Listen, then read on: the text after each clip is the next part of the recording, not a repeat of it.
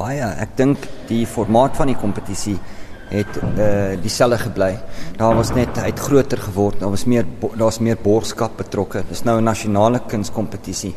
Maar ek dink behalwe wat die borgers doen, hoe die kuns verander en hoe tegnologie nou betrokke geraak het en hoe die veranderinge deur ons land se geskiedenis verander. Het die kompetisie van self verander en dit word 'n speelbeeld vir wat in ons land gebeur en hoe die veranderinge gebeur en hoe 'n ou deur die ebb and flows van die positiewe en die negatiewe en die opbou en die afbreek gaan wat verskriklik opwekkend is vir my veral hierdie jaar se uitstalling. Ek dink wat die kunstenaars doen in die verlede dit was oor oor die kunstenaar self, die kunstenaar se identiteit, die kunstenaar se plek in die wêreld en hoe die kunstenaar sy of sy identiteit sien in die groter soort van samelewing. En wat nou interessant raak is daar's 'n tipe van 'n nostalgie waar die ouens nou terugkyk nie na hulle self nie maar waar kom ek vandaan soort van?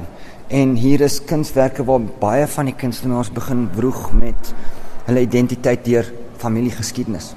En hoe die geskiedenis van 'n familie hulle identiteit verander het of geshape het waar dit nou kontemporêr sit die kuns word altyd 'n uh, metafoor of 'n of 'n stem vir vir die vir die samelewing waarin ons bly. En die boodskap hierdie jaar vir my is verskriklik positief in vergelyking met die verlede which is very exciting. Mm. 50 jaar terug toe nuwe handtekeninge begin is, wat was die doel van die kompetisie? Is dit verduidelik net gou weer vir luisteraars wat nie weet nie, wie mag deelneem? Mm. Het dit baie verander oor die jare?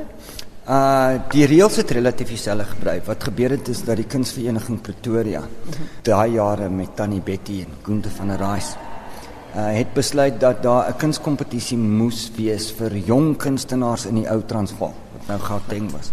Maar meestal in Pretoria. En hulle was genader om werk in te skryf vir 'n 'n klein ou kunskompetisietjie Pretoria en Johannesburg, maar daai het baie begin groei en dit het begin populêr raak veral onder kunststudente op daai stadium van the who's who in die zoo is as jy op die nuwe handtekeninge gekeer word. En dit het so populêr begin raak dat op stadiums die vereniging het begin sien dat daar was inskrywings van ander provinsies. En dit het so begin groei dat 'n uh, 'n uh, uh, ander venue gekry moes word en so aan en toe Sasol aan boord gekom as 'n nasionale sport. Dis hulle wel as hier 'n klomp jong kunstenaars is wat oor oor oor provinsiegrense ry om werk in te skryf. Kom ons gaan na hulle toe en sien wat ons wat gedoen kan word. En dis waar dit nasionaal geword het en deur die veranderinge in ons land polities, ekonomies het die het die kunskompetisie saam gegroei. En wat, wat dit so daardie reëls glad nooit verander nie. Uh ouderdom van 18, Suid-Afrikaanse burger en nog nooit 'n 'n solo uitstalling gehad nie. So van daar was die pers nie, daar was die koerant, want dan sou ou nie 'n nuwe handtekeninge nie. En die kompetisie beoog om daai platform te skep vir jong kunstenaars om 'n loopbaan te begin, om gesien te word. En met die boodskappe oor die jaar te kom die katalogus wat ook uh baie baie baie belangrik is in ter, terme van uh, 'n bemarkingsmeganisme.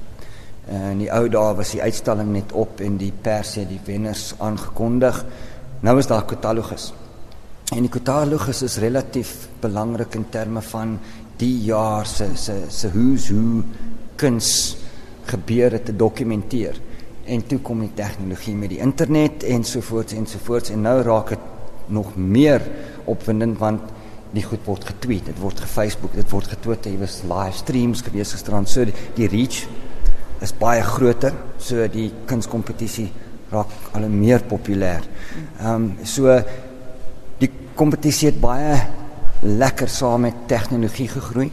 Nie net in wat tegnologie doen om die kompetisie en die jong kunstenaars te bemark nie, maar wat tegnologie vir die kunstenaar gee om mee te werk ook. En dis baie baie interes, interessant wanneer jy kyk na die tipe van medium wat gebruik word in in vandag se samelewing om om boodskappe oor te dra. Want dis waar die visuele kuns gaan is, meaning making messages. Ja. Boodskappe.